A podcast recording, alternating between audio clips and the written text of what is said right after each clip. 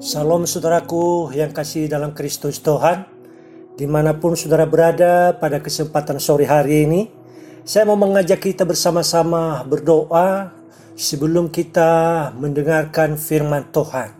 Mari kita tundukkan kepala, kita berdoa.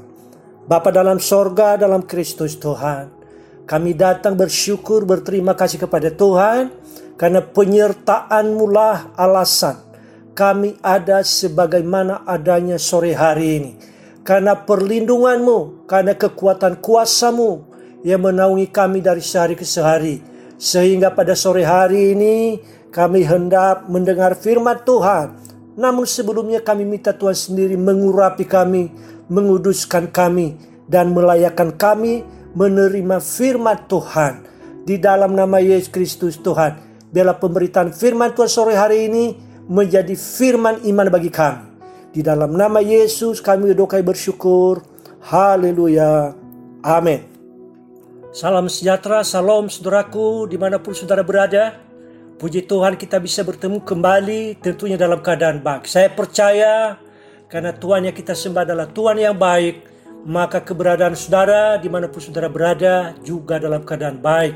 Kami dari studio di tempat ini kami mengucapkan selamat mengikuti eh, pemberitaan firman Tuhan 25 menit ke depan dan biarlah menjadi firman Tuhan ini menjadi berkat bagi kita semuanya. Saudara kasih dalam Kristus Tuhan, tema firman Tuhan yang saya mau bagikan kepada saudara pada sore hari ini adalah Tuhan tempat perlindungan. Ya, itu tema firman Tuhan saya mau bagikan kepada saudara. Tuhan tempat perlindungan. Satu-satunya tempat yang aman bagi kita, satu-satunya tempat yang terjamin bagi kita, yaitu Tuhan tempat perlindungan. Saudara saya mau mengajak kita untuk membaca satu ayat firman Tuhan yang saya kutip dari kitab Wahyu pasal 3 ayatnya yang ke-10. Kitab Wahyu pasal 3 ayatnya yang ke-10 firman Tuhan berkata demikian, karena engkau menuruti firmanku untuk tekun menantikan aku, maka aku pun akan melindungi engkau dari hari percobaan yang akan datang atas seluruh dunia untuk mencobai mereka yang diam di bumi. Saudara, saya mau baca sekali lagi, simak baik-baik demikian firman Tuhan yang tercatat di Wahyu pasal 3 ayat yang ke-10. Karena engkau menuruti firmanku, untuk tekun menantikan aku, maka aku pun akan melindungi kau dari hari percobaan yang akan datang atas seluruh dunia untuk mencobai mereka yang diam di bumi. Saudara kasih dalam Kristus Tuhan, ini tema firman Tuhan yang kita dengar pada sore hari ini adalah Tuhan tempat perlindungan. Kitab Wahyu ini ditulis oleh Rasul Yohanes dan ini tulisan ini tentang sebuah kebenaran. Saat itu Rasul Yohanes diasingkan ke Pulau Patmos.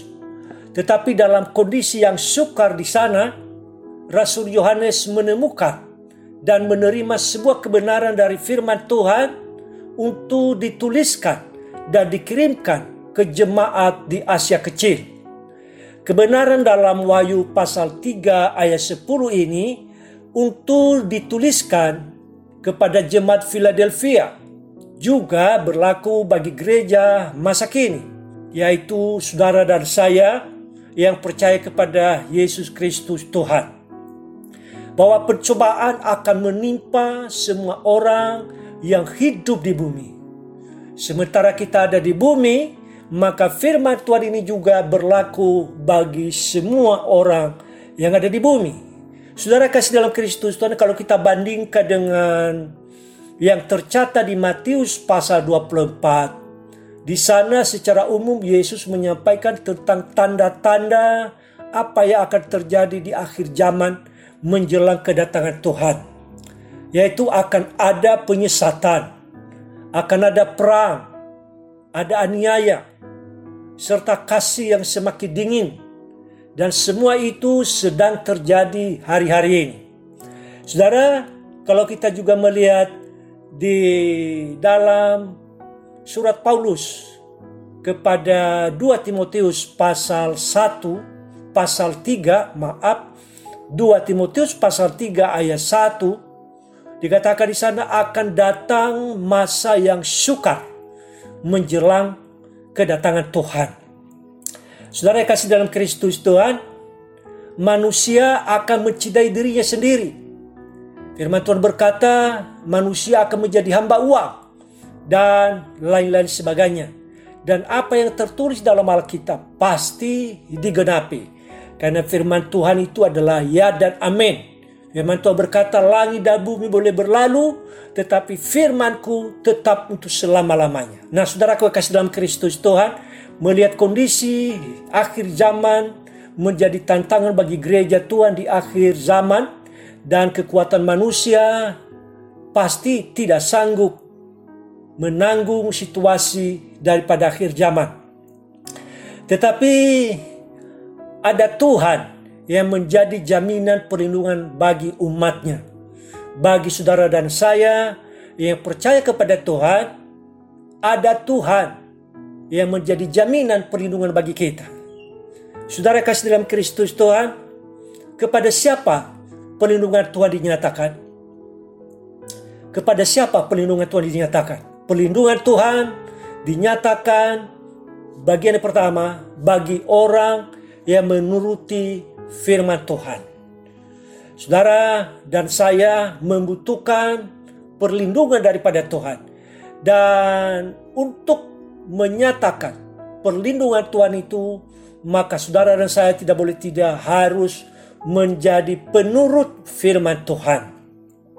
Wahyu pasal 3 ayat 10 ini merupakan pernyataan dan perlindungan Tuhan disediakan bagi mereka yang menuruti firman Tuhan. Perlindungan Tuhan bukan hanya tersedia bagi situasi-situasi yang mencekam, tetapi perlindungan Tuhan juga tersedia dalam hal-hal yang tampaknya sederhana. Karena Tuhan kita adalah Tuhan yang sempurna. Dia melindungi kita dalam suasana yang mencekam, tetapi dalam keadaan kesederhanaan pun Tuhan selalu bersama dengan kita. Saudara, yang saya kasih dalam Kristus Tuhan ada firman Tuhan yang indah sekali. Saya akan baca kepada saudara di dalam Yesaya pasalnya yang ke-33 Yesaya pasal 33 ayat 15 dan ayatnya 16 firman Tuhan berkata demikian orang yang hidup dalam kebenaran ia berbicara dengan jujur. Ia menolak untung hasil pemerasan. Ia membebaskan tangannya supaya jangan menerima suap. Ia menutupi telinganya supaya jangan mendengarkan rencana penumpahan darah ia menutupi matanya supaya jangan melihat kejahatan. Dialah seperti orang yang tinggal aman di tempat-tempat tinggi. Bentengnya ialah kubu di atas bukit batu. Rotinya disediakan, air minumnya terjamin. Tuhan melindungi mereka yang hidup dalam firman Tuhan. Ditempatkan seperti di atas bukit batu karena mereka hidup dalam firman Tuhan. Saudara kasih dalam Kristus Tuhan, firman Tuhan harus ditaati. Sebab firman Tuhan kadangkala tidak dapat dimengerti dengan logika manusia.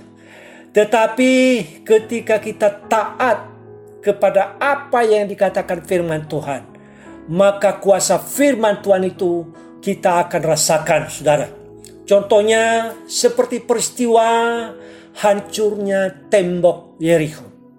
Saudara pasti mendengar Secara pikir manusia, tembok Yeriko tidak mungkin hancur karena Israel berkeliling dan bersorak. Tetapi ketika bangsa Israel taat, maka mereka mengalami kemenangan. Saudara kasih dalam Kristus Tuhan, perlindungan Tuhan dinyatakan bagi orang yang menuruti firman Tuhan. Yang kedua, perlindungan Tuhan dinyatakan bagi orang yang tidak menyangkal nama Yesus. Wahyu pasal 10 ayatnya yang ke-8. Saya baca buat saudara Wahyu pasal 10 ayat 8 firman Tuhan berkata demikian dan suara yang telah kudengar dari langit itu berkata pula kepadaku katanya Berdirilah, ambillah gulungan kitab yang terbuka di tangan malaikat yang berdiri di atas laut dan di atas bumi itu. Saudara kasih dalam Kristus Tuhan, perlindungan Tuhan dinyatakan bagi orang yang tidak menyangkal nama Yesus. Nama Tuhan, yaitu nama Tuhan Yesus, menjadi pegangan dalam hidup ini karena nama Tuhan Yesus sanggup menyelamatkan saudara dan saya. Oleh sebab itu, jangan menyangkal nama Yesus. Apa pun keadaan, bagaimanapun beban kehidupan ini, jagalah dan peliharalah. Jangan pernah kita menyangkal nama Tuhan Yesus. Karena nama Tuhan Yesus adalah nama yang menjadi pegangan dalam hidup kita. Karena nama Tuhan Yesus adalah sanggup menyelamatkan. Kisah Rasul pasal 4 ayatnya yang ke-12 firman Tuhan berkata demikian. Kisah Rasul pasalnya yang keempat ayatnya yang ke-12 firman Tuhan berkata demikian. Dan keselamatan tidak ada di dalam siapa pun juga selain di dalam dia.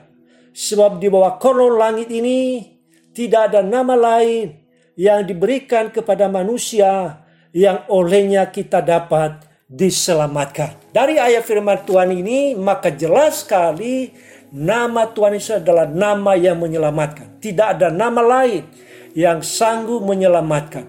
Hanya nama Tuhan Yesus. Oleh sebab itu jangan pernah menyangkal nama Tuhan Yesus.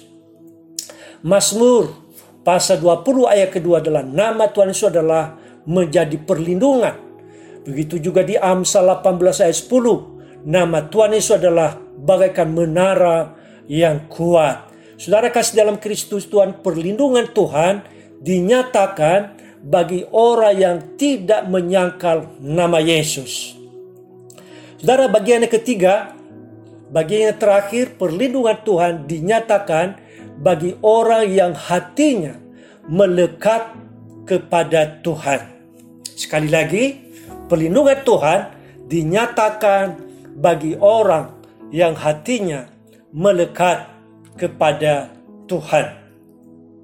Mazmur pasalnya ke-90 ayatnya yang ke-14. Mazmur 90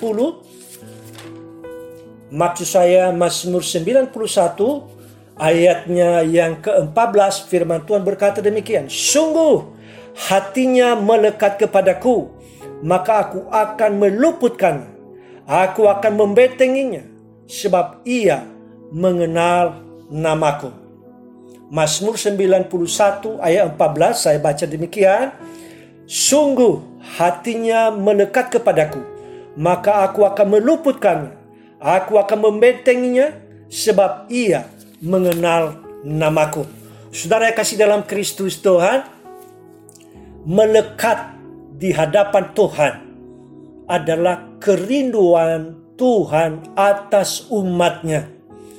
Orang yang hatinya melekat kepada Tuhan, ia akan melihat Tuhan dinyatakan lewat perlindungan.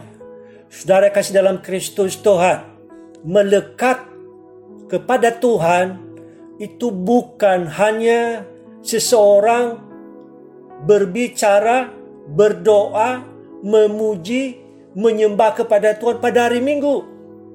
Tetapi hati yang melekat kepada Tuhan adalah hati di mana setiap saat teringat kepada Tuhan, berseru kepada Tuhan, sekalipun buka di dalam ruang ibadah Mungkin pada saat kita ada di kegiatan kita masing-masing setiap hari, Senin, Selasa, Rabu, Kamis, Jumat, Sabtu, dan Minggu. Itulah namanya orang yang hatinya melekat kepada Tuhan setiap saat, setiap waktu, selalu teringat berbicara, berdoa, memuji, menyembah kepada Tuhan. Itulah maksud daripada hatinya melekat kepada Tuhan. Yesaya 41 ayat 10 firman Tuhan berkata, perlindungan Tuhan akan meneguhkan, menolong, dan membawa kepada kemenangan. Perlindungan Tuhan akan meneguhkan, menolong, dan membawa kepada kemenangan. Contohnya apa saudara? Contohnya adalah Elia saat menghadapi Isabel. Isabel yang menyembah berhala mengancam Elia untuk membunuh dia. Tetapi Elia dengan perlindungan Tuhan karena hati Elia melekat kepada Tuhan. Orang yang melekat kepada Tuhan akan menikmati jaminan Tuhan karena semua ada di dalam kontrolnya Tuhan. Saudara kasih dalam Kristus Tuhan, di mana pun saudara berada, melekatlah kepada Tuhan dan lihat bagaimana jaminan Tuhan akan nyata di dalam kehidupan kita. Karena tangan Tuhan menaungi dan mengontrol kehidupan kita. Saudara yang kasih dalam Kristus Tuhan, yang menjadi kesimpulan daripada perlindungan Tuhan ini adalah Tuhan melindungi dan menyertai orang yang hidup dalam firman. Mereka melekat pada Tuhan serta berpegang pada nama Tuhan.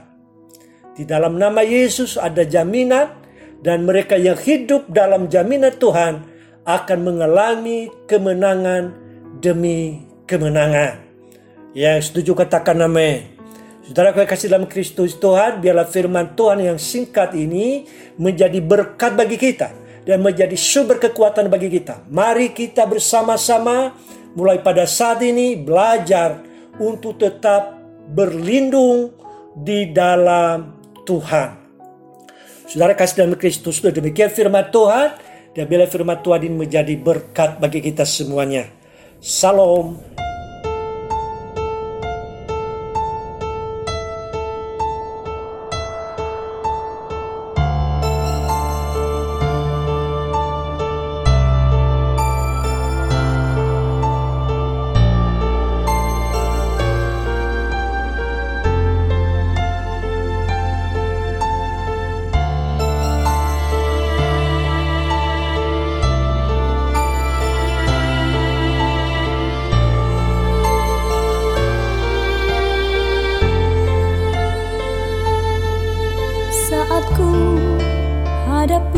badai hidup. Tak satu pun pertolongan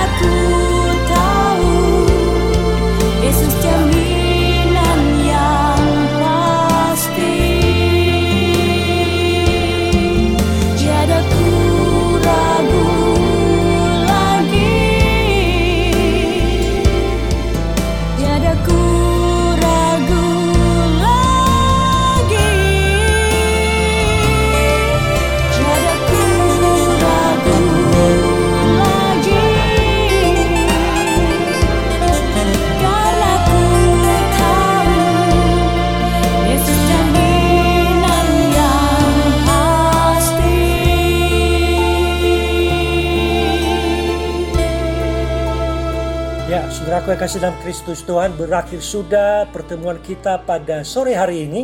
Namun sebelumnya sekali lagi saya mau mengajak kita untuk sama-sama berdoa. Kita mengucap syukur atas kesempatan yang Tuhan berikan kepada kita. Atas firman Tuhan sudah disampaikan. Kita bersama-sama minta rohnya yang kudus meneguhkan firmannya di dalam hati kita. Karena firman Tuhan adalah sumber kekuatan kita. Dan firman Tuhan adalah Tuhan sendiri. Bapa dalam sorga dalam Kristus Tuhan, kami bersama-sama datang mengucap syukur kepada Tuhan. Lewat kesempatan sore hari ini, Engkau memperdengarkan suaramu kepada kami lewat firman Tuhan yang sudah kami dengar lewat suara mutiara jiwa di radio suara Gracia. Tuhan Yesus, Engkaulah Tuhan, tempat perlindungan, bagi kami semua yang percaya kepadamu, umatmu yang sudah kau tebus dengan darahmu yang mahal. Pada kesempatan sore hari ini, kami bersyukur kepada Tuhan bahwasannya Engkau menyatakan perlindunganmu bagi orang-orang yang menuruti firmanmu. Engkau menyatakan perlindunganmu bagi orang-orang yang tidak menyangkal nama Tuhan dan engkau menyatakan perlindunganmu bagi orang yang hatinya melekat kepada Tuhan. Biarlah semuanya ini menjadi bagian hidup kami. Engkau berkati firmanmu, teguhkan firmanmu, dan engkau berbicara kepada kami lewat firmanmu senantiasa dari sehari ke sehari. Sehingga hidup kami ada senantiasa di dalam perlindungan Tuhan. Terima kasih pada sore hari ini berkatmu atas seluruh sidang pendengar di mana pun mereka berada. Dari studio di tempat ini kami berdoa biarlah kau menjadi jawaban bagi mereka. Sembuhkan mereka yang sakit. Bangkitkan berikan kekuatan yang baru bagi yang lemah. Bahkan hiburkan yang bersedih hati. Berkati yang berkekurangan tambahkan khidmatmu kepada mereka yang kurang khidmat supaya mereka mengerti panggilanmu di dalam hidup mereka dari sehari ke sehari sidak pendengar di mana pun mereka berada ada satu terobosan yang baru dalam hati mereka sehingga mereka semakin hari semakin dewasa di dalam pengenalan akan Tuhan. Terima kasih perlindunganmu atas sidak pendengar di mana pun mereka berada. Baik yang mendengar pada hari ini maupun mereka yang mendengar pada hari-hari yang akan datang. Di dalam nama Yesus, kami terima berkat Abraham, Ishak dan Yakub, yaitu berkat kasih karunia, sukacita, damai sejahtera daripada Bapa di sorga, cita kasih Yesus Kristus Tuhan, serta persekutuan, pengurapan rohmu yang kudus turun melimpah atas kami, mulai pada sore hari ini, sampai kau datang kedua kalinya, bahkan sampai selama-lamanya. Haleluya. Amin. Saudara kasih dalam Kristus Tuhan, salam sejahtera bagi kita semuanya. Salam.